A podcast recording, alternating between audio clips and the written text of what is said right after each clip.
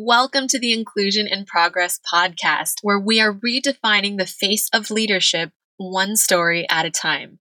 I'm your host, Kay Fabella, author and award winning visibility coach, and I'm here to amplify the voices of underrepresented leaders like you, showing you the exact steps to become authors, speakers, and influencers from people who've been the only one in the room.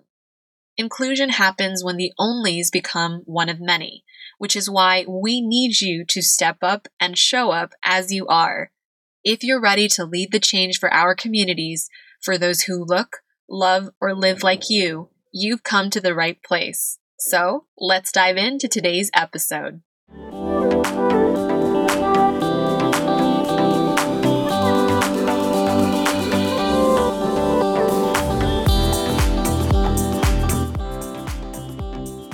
Welcome, welcome to the first ever episode of the Inclusion in Progress podcast. I'm your host, Kay Fabella, and I'm so excited to have you with us today. And this podcast has honestly been on my mind and heart for quite some time. I'm somebody who identifies as an introvert, who really craves deep and meaningful conversations.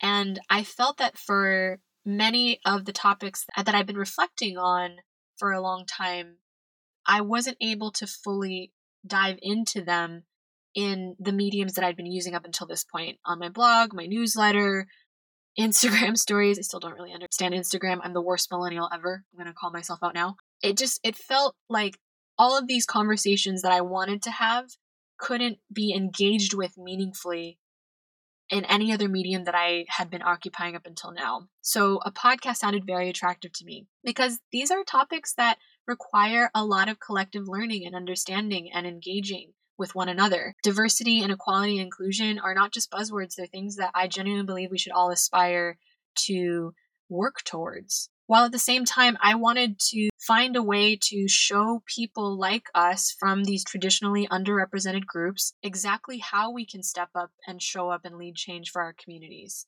So, my mission with Inclusion in Progress is to showcase what I've learned as a woman of color in the online space the past six years, who has been working with businesses across 17 different industries and two languages to help create visibility strategies for them to connect them with their audiences, while at the same time highlighting the stories of authors, change makers, speakers, influencers, people who have become mm-hmm. credible experts in their fields and industries, despite them being the only one in the room. So, the other reason this podcast is called Inclusion in Progress is because I honestly think, and I include myself in this, we have so much to learn if we want to see more representation in industries where faces and stories like ours are not traditionally seen. It's going to require collective action, collective learning, collective listening, collective terminology and words and phrases and vocabulary that's going to move us all forward in the process. And rather than waiting for permission from someone else to be the first, I'm going to be showing you through my own reflections, as well as interviews with experts, what it really takes to be the representation you always wish to see to raise all of us up in the process. So, a bit of background about me I'm originally from California. I am a daughter of Filipino immigrants, so I identify as Filipino American. And it seems that immigration is a genetic thing because I now live in Madrid, Spain, where I've been based since 2010 and operating as a business owner since 2014. And I grew my audience to 27 countries in my second language of Spanish when an article that I wrote on brand storytelling went viral, and it led to me being published in media like the Huffington Post, in Spanish language newspapers like El País and F Emprende, I was quoted on Fortune 500 websites, and I was even giving talks in person in Spanish, which talk about imposter syndrome. so, although I no longer work in Spanish, I realized through that journey the incredible power of sharing your story to grow your audience organically, to touch lives, to make change, to have your message heard and impact others in the process. And I now help other leaders and business owners to define a visibility strategy that helps them connect with a global audience or simply teach them how to communicate with impact. And the big aha moment for me that led to me starting this podcast happened back in February 2019. So I realized in my normal sort of content creation process of getting my blog posts ready, my newsletter, I wanted to talk about a question that had come up from a lot of people in my community on finding your voice online. And I wanted to reference the diversity of different female business owners who each had their own unique personality, their way of doing things, and obviously a very clear, strong voice. So I was going through a list of female coaches because my audience is mostly female. And just off the top of my head, I was going through the first five to 10 names that came up. And if you've been in the online space, you've probably heard of some of them Marie Forleo, Amy Porterfield, Katrina Ruth, Ali Brown, Natalie Sisson, Denise Duffield Thomas. And these are all incredible women that I look up to. I aspire to be like as an entrepreneur. I'm so grateful to have lived in a time where they have bravely and boldly raised that bar for how women can make an income and an impact online. I think you know where I'm going with this, right? It hit me that not a single woman on that list that I had made in my own head, mind you, was a woman of color. And that really struck me. How could I possibly champion inclusion when I myself wasn't supporting other voices? Because, and honest to goodness truth, I didn't even know where to look to find them because that's how limited my circle was at the time. I can still feel this like visceral taking me back to that moment that I had that realization because it shook me, y'all. it really shook me to my core.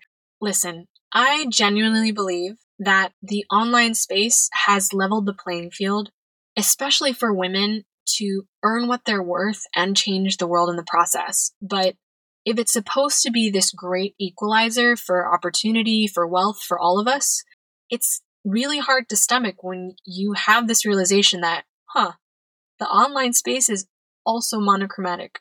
When you identify as a proud Filipino American, it's really hard to then say, how can I change the problem? And am I part of the problem? So, all of these revelations and reflections I shared in an article on my blog called Why I'm Committed to Diversity and Inclusion Online, which you can check out at the link in the show notes. And since publishing that article, my client roster is now 50 50 minority and non minorities, which is something I'm really proud of.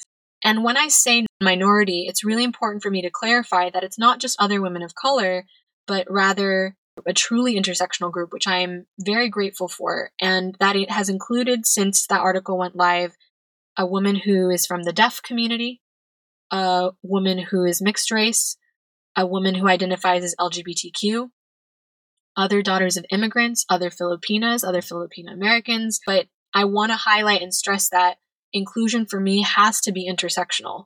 And it requires all of us together showing up and sharing our stories and highlighting our voices so that we're no longer the exception. We're no longer weighed down with the additional responsibility of being the sole representative for an entire race, culture, or group. It doesn't mean that this journey has been easy.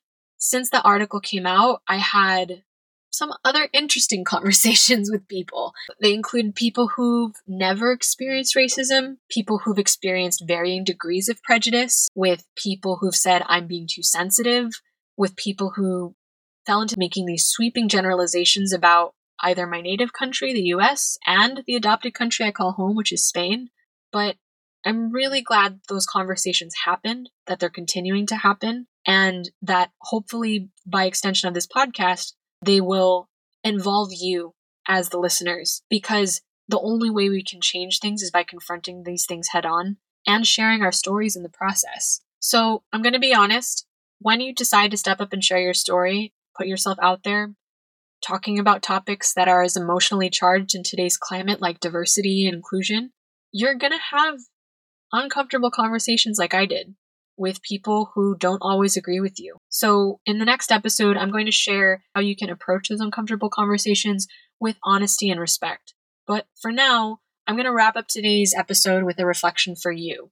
Are you waiting for someone else who looks or loves or lives like you to step up as the leader you've been waiting for?